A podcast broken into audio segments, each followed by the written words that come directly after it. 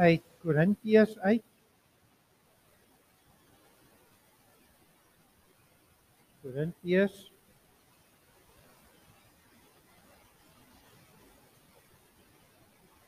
Ons lees uit Eerste brief van Paulus aan die Korintiërs, eerste hoofstuk vanaf vers 18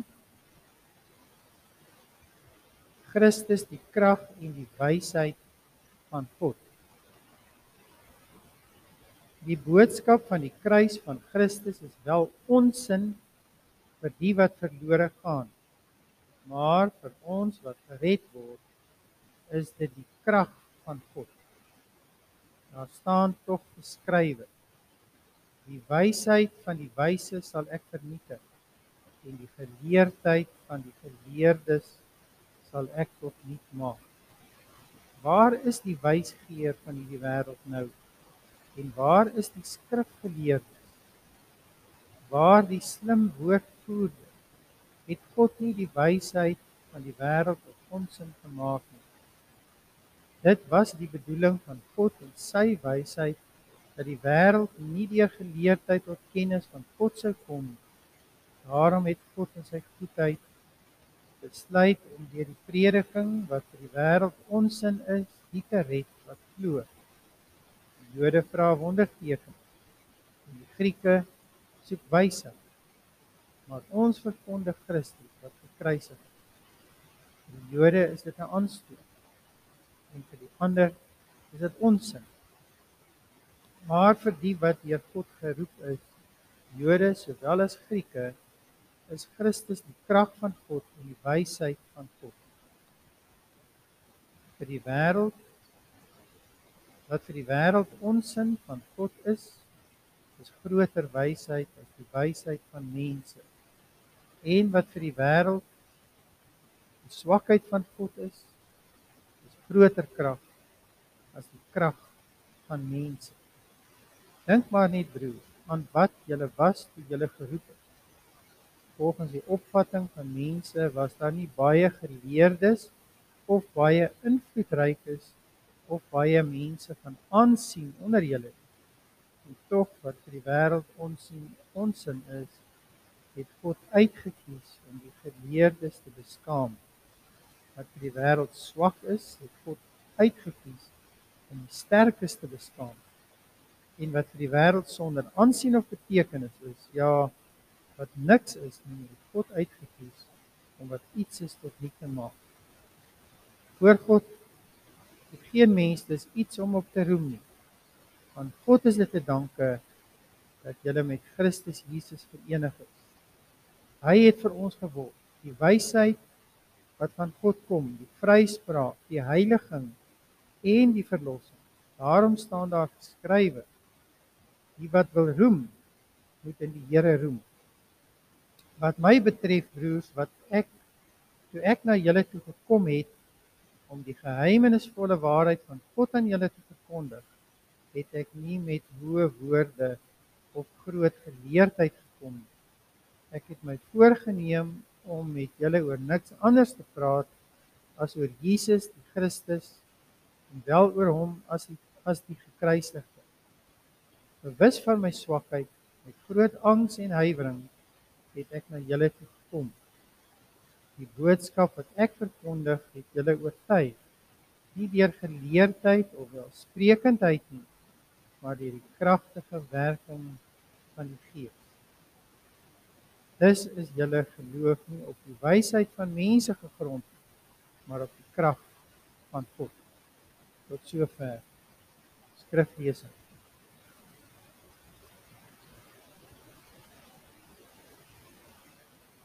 Ons lewe in 'n baie komplekse samelewing. Net soos die gemeente in Korinthe was. Ons glo en ons dink wat ons wat ons glo en wat ons dink word baie beïnvloed deur kennis en geleerdheid en wat ander mense sê. En ons het baie keer ehm um, baie morele krag nodig om gefokus te bly op dit wat wat ons glo. Natuurlik is ons baie bevoordeel want uh, ons het ouers gehad wat vir ons baie van hierdie waardes en beginsels wat ons vandag het geleer het. Ons het 'n uh, eh, ons het 'n kerk. Ons het 'n tradisie van geloof waar mense voor ons die Christelike waardes uitgeleef het. En die kerk is soos wat Paulus skryf ook aan die jong Timoteus skryf kerk is die beskermheer van hierdie goeie waardes en beginsels in die samelewing. Eerste Christene waarvan ons hier lees in Korinte het natuurlik nie daardie voorregte gehad wat ons het. Hulle was die eerste geslag van gelowiges. Hulle moes self hulle pad vind. Daar was nog nie 'n pad gemaak nie. Hulle moes hulle is padvinders. Hulle moes ehm um, die geloof uh, uitleef en die pad maak. En al wat hierdie eerste Christene gehad het, hulle onthou hulle het ook nie 'n Bybel gehad. Vir ons wat ons ehm um, baie beïnvloed as Christene is dat ons die Bybel kan vat en kan lees wat sê die Here vir ons. Maar hierdie eerste mense het dit natuurlik nie gehad nie. Al wat hulle gehad het is die getuienisse van die apostels of uh, wat ons moet sê die leer van die apostels en die Heilige Gees. Dis al wat hulle gehad het, net daai twee goed.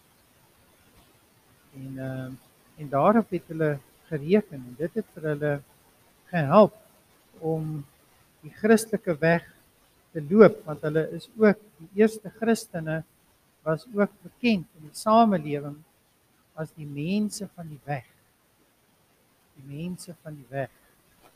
Dit is hoe die uh, die ander mense na na die Christene gekyk het.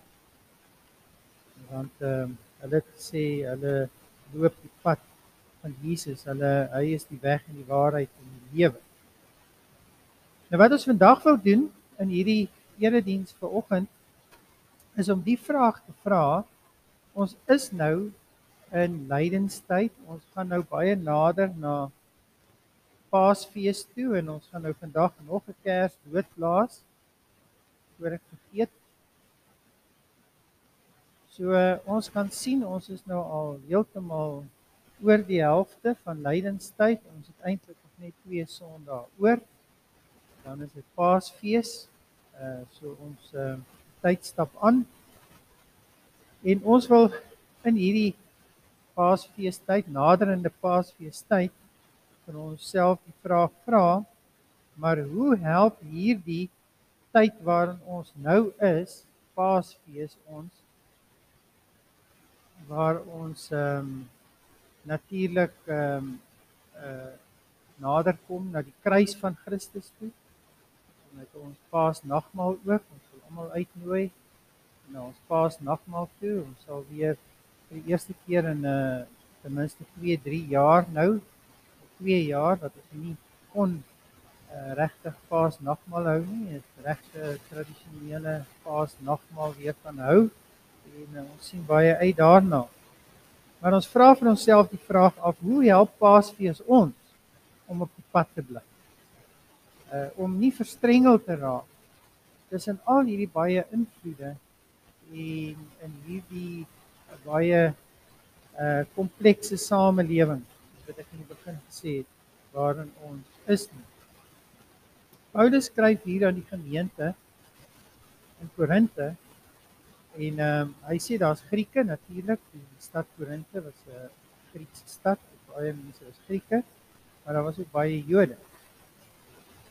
En hy sê die Jode vra wondertekens en die Grieke soek wysheid.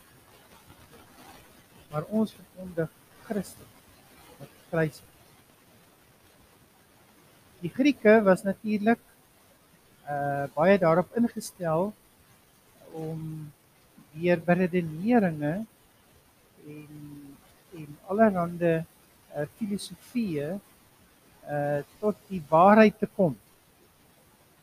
En uh hulle daar was nee, ek kan myself en my gees ook voorstel op baie plekke in die stad waar daar uh mense gaan op die plein bymekaar gekom het en dan was daar iemand wat daar gestaan het en vir hulle gepreek het en uh sy filosofieë aan hulle bekend gemaak het en dan het mense daar gestaan en uh op die Areopagus en daai plekke waar daar ehm um, soos 'n ehm, arenas was, ehm um, teaters, uh, amfitheaters was. Ek dink die Grieke het ook ons geleer van 'n amfitheater en uh dan het daardie mense daar gestaan en geredeneer. So dit een ding van die Grieke gewees in die tyd wat Paulus in elk geval geleef het. En dan het die Jode natuurlik weer gesoek na tekens Uh so so het die Fariseërs ook die hele tyd wat Jesus rondgegaan het en gepreek het en mense gesond gemaak het, het uh, hulle heeltyd gewonder, maar is hy die Messias en het hulle hom in die versoeking gestel om vir hulle tekens te gee. En uh het hy op 'n stadium ook vir hulle gesê, maar daar daar's nog geen ander teken vir julle gegee word as die teken van Jonah En nou wat het die teken van Jona te doen met die kruisiging van die Here Jesus Christus? Daarmee het Christus eintlik bedoel uh soos wat Jona 3 dae in die vis se maag was en toe weer tot hom daaruit verlos het. So sal die seun van God vir 3 dae in die graf wees voordat hy weer sal opstaan. Natuurlik het die Fariseërs ehm um, en skrifgeleerdes van daardie tyd dit ook nie verstaan nie. Paulus kom hier en in hierdie gedeelte en in elk geval in albei sy briewe eintlik kom help by 'n gemeente wat in 'n stad woon waar hulle eintlik in verre in die minderheid is en baie beïnvloed word deur ander heidense godsdienste. Kom help by hulle om op die regte manier aan God te dink en om oor hom te praat. Nou um, die manier waaroor waaroor ons aan God dink, waarop ons waarop ons aan God dink en oor hom praat, het baie te doen met ons teologie. Uh en elkeen van ons, soos wat ons hier sit vanoggend, het ook 'n teologie. Daar's 'n bepaalde manier hoe jy dink oor God en oor hoe jy praat oor God. En uh in die in die gereformeerde kerke het ons 'n bepaalde manier hoe ons God aanbid. En dit het baie te doen met ons teologie. En ehm um, dit is ehm um, dit is waarmee Paulus ons ook hier kom help in hierdie in hierdie brief van hom aan die Korintiërs. En uh en dan sê Paulus hier dat die boodskap die boodskap van die Here Jesus Christus, die evangelie van die Here Jesus Christus moet ons oortuig. Nie welsprekendheid van mense of menslike ander menslike tipe van kennis of 'n uh, geleerdheid. Maar die manier waarop God hom aan hierdie wêreld kom openbaar het deur Jesus Christus. Sê Paulus, is eintlik 'n misterium. Griekse woord mysterium, misterie, waar die woord misterie vandaan kom, is eintlik 'n geheim. En hierdie geheim van hoe God in hierdie wêreld kom werk deur Jesus Christus kan ons nie deur wetenskaplike kennis bevind. Van die manier waarop ons by daardie geheim uitvind is weggesteek agter die kruis van Jesus Christus. Dis waar jy dit van kry. Daarom is dit onsin vir die geleerdes en skrifgeleerdes en slim mense van die wêreld. En net die wat deur God daartoe uitgekies is om deur die kruis van Jesus Christus na hom toe te kom. Hulle ken daardie of kom by daardie geheim uit. In die gedeelte wat ons gelees het, praat Paulus ook van twee baie belangrike geloofswaardes, geloofswaarhede. Wysheid en lewenskrag. Ons het wysheid en lewenskrag nodig. En wysheid is nie intellektuele kennis. Dis nie om 'n graad te, te kry nie. Dis nie wetenskaplike kennis. Wysheid is om om insig te hê. Om onderskeidingsvermoë te hê. Om 'n goeie oordeel aan die dag te kan doen. Dis meer as net kennis. Uh dit is ehm um, wysheid is dit dit wat Salomo ook in Spreuke en Prediker ons kom leer is om begin wanneer 'n mens die Here vertrou en hom dien.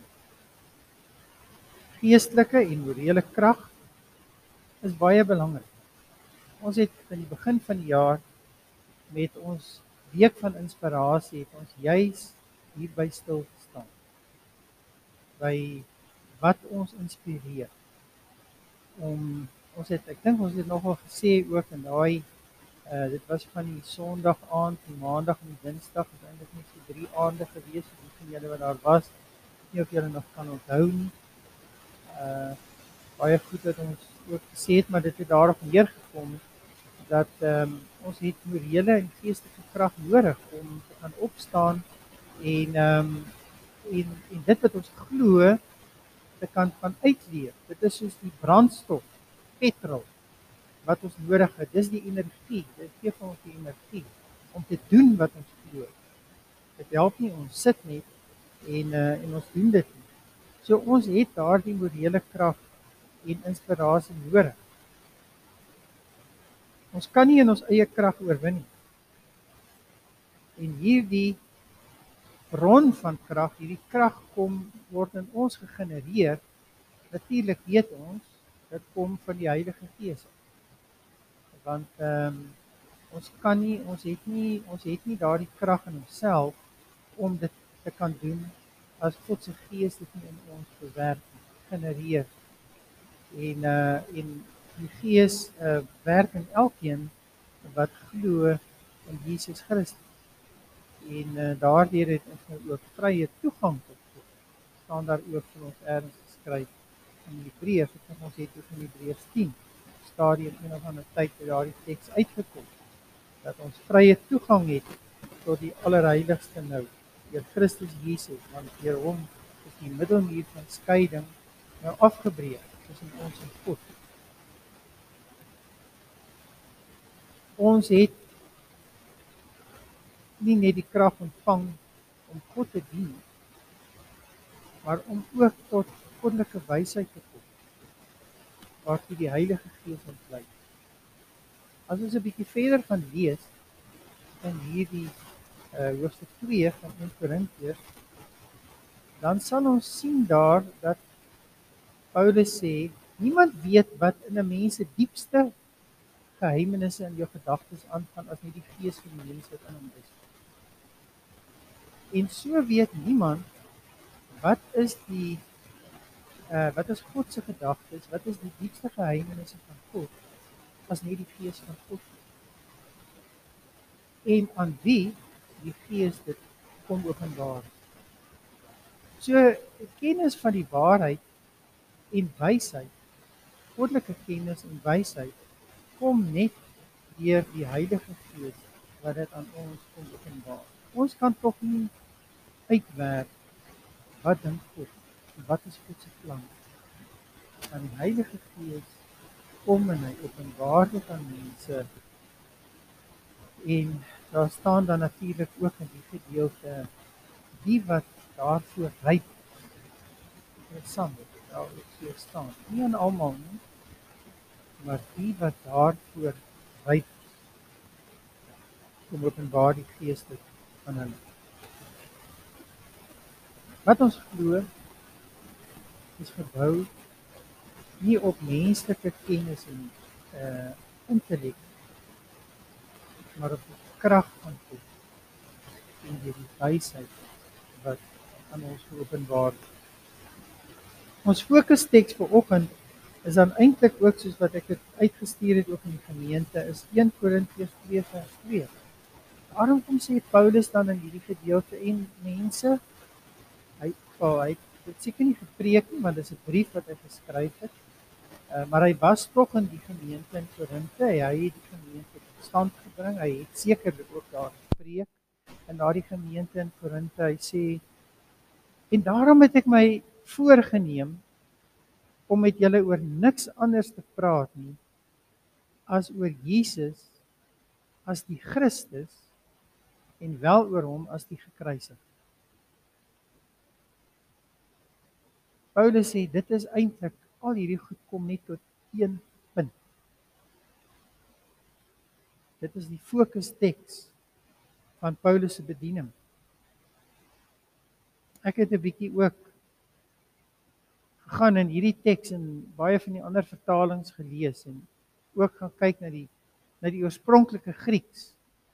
Ek gisteraand weer 'n bietjie my my Grieks wat wat verroes is weer 'n bietjie opgeknap. En ook gaan lees in die Good News vertaling en dit was nogal vir my ook baie mooi gestel in die in die Good News vertaling wat daar staan for while I was with you for while I was with you I made up my mind to forget everything except Jesus Christ and especially his death on the cross. As 'n mens dit nou in Afrikaans gaan lees, dan klink dit asof Paulus sommer so vinnig net gesê het en ek het besluit ek wil met julle oor niks anders praat oor as oor Jesus Christus en wel oor hom as die gekruisigde nie. As jy nou mooi gaan kyk na die teks, Ehm um, en in hier in die Engels word dit eintlik miskien 'n bietjie beter vertolk as as 'n mens teruggaan na die Grieks toe ook. Dan sê Paulus eintlik hier en ek was daar tussen julle gewees en ek het rondgegaan in die samelewing en ek het geluister hoe hierdie klomp redeneer en wat hulle praat en ek het gegaan en ek het gehoor wat daar onder julle gesê word en gepraat word So Paulus het nie net gepraat nie, maar hy het ook geluister na wat mense praat. En uh interessant is 'n mens gaan teruggaan na die na die oorspronklike Grieks toe dat die die die werkwoord wat daar gebruik word word hier is eintlik ehm um, die woord wat 'n mens ook gebruik om om koring te sif. Om die kaf van die koring te skei. So wat Paulus eintlik hier wil sê en ek het daar so tussen julle en ek het na alles geluister, na al die goed geluister en ek het hierdie goed begin sif. Na al die redenasies en argumente van mense het ek begin sif. En en waarby ek uitgekom het is. En dit is wat jy moet glo. Dat daar's niks belangriker as om te glo dat Jesus die Christus is. Dit wil sê dat hy die dat hy die die vir dat hy die, die Messias is, dat hy die gesalfde is, want dis wat dit beteken, Christus beteken die gesalfde en uh en dat God hom ehm um, gesalf het en dat hy gekom het om vir ons aan die kruis te sterf. Dit is die belangrikste wat jy moet glo. En dit hou julle gefokus in hierdie samelewing en in hierdie wêreld wat baie goeie mense kan die mekaar maak en baie invloede van buite selfs binne in die godsdiens is daar mense wat ook allerlei teorieë en teologie het? Daar's baie teologie en teorieë. Kan 'n mens verward raak? Nou kom sê Paulus vir ons hy sê mense bly net gefokus op die kruis. Dis al hou jou oë op die kruis dan ehm um, weet jy jy's op die regte pad. Die geheim van ons geloof is alles opgesluit in Christus as die gekruisigde en opgestane Here. Ons geloof is nie gegrond op menslike wysheid nie, maar op die krag van God. Krag van God. Daar is nie 'n formule wat ons kan uitwerk soos in die wetenskap om te kan bepaal dat mense in Jesus Christus glo en hom aanneem. Daar is slim mense wat nie glo nie. Daar is aan die ander kant mense wat eenvoudig is en ongeleerd is en tog glo en baie wysheid en geestelike krag openbaar. Dit bly 'n misterie. Ons kan dit nie wetenskaplik verklaar nie. Dis die mense wat God uitget kies het om te glo en wat die krag van die evangelie ondervind. Hierdie waarheid hierdie waarheid noem Paulus 'n geheimenisvolle waarheid. 'n geheimenisvolle waarheid in 2 in 1 Korintiërs 2 vers 1, 'n misterie wat ons nie sal verstaan nie. En daaroor moet ons bly wees. Ons moet bly wees oor hierdie genadewerk van God Dis hoekom hy ook in hierdie gedeelte wat ons gelees het gesê het, daar sê, daarom het nie een van ons enigiets om op te roem nie. Ons het niks wat ons kan sê. Ons het deur ons beredenering of deur ons werk of deur wat ook al ehm um, tot hierdie kennis van die waarheid gekom. Dit is 'n geopenbaarde waarheid. Dis 'n waarheid wat God deur sy gees aan ons kom gee ons bid en dat ons die sin van ware godsdiens ehm um, sal behou deur op die kruis te fokus. In 'n wêreld waar ons oordonder word deur humanisme. Ek dink altyd so daaraan as ons gaan lees in Genesis, die Genesis verhaal, het die mense bymekaar gekom En toe wil hulle toring bou, die toring van Babel bou en ons weet wat het daar gebeur en hulle het verward geraak en ehm um, allerlei tale begin praat en so. Ehm um, die mens ehm um, sal weer besig om 'n toring te bou en in hierdie tyd van humanisme en in die new age waar baie selfs ons eie godsdiens baie beïnvloed word deur new age goed Ehm um, wat Paulus dan eintlik ver oggend net vir ons weer kom sê, dis goed, luister na hierdie goed. Ehm uh, moenie op jou eie wetenskaplike kennis oordeel nie. Bly gefokus die kruis van Jesus Christus. En dit hou jou nederig en dit hou jou afhanklik. En agter die kruis is die geheim van God se reddingsplan met ons in hierdie wêreld. Om hier af te sluit, In die begin het ons die vraag gevra: Hoe help Paasfees ons om die kennis en invloed nie verward te raak nie, maar gefokus te bly? Antwoord is: Paasfees help ons om weer net 'n draai te gaan maak by die kruis van Jesus en weer mooi na te dink oor die grondwaarhede van ons geloof. Daar is net een manier waarop ons tot kennis kan kom, tot waarheid kan tot ware kennis kan kom en geloofsekerheid kan kry. En dit is om te glo en te bely dat Jesus die Christus is dat hy gesterf het aan 'n kruis op Golgotha maar dat hy op die 3de dag weer opgestaan het dat hy die oorwinning behaal het en dat hy lewe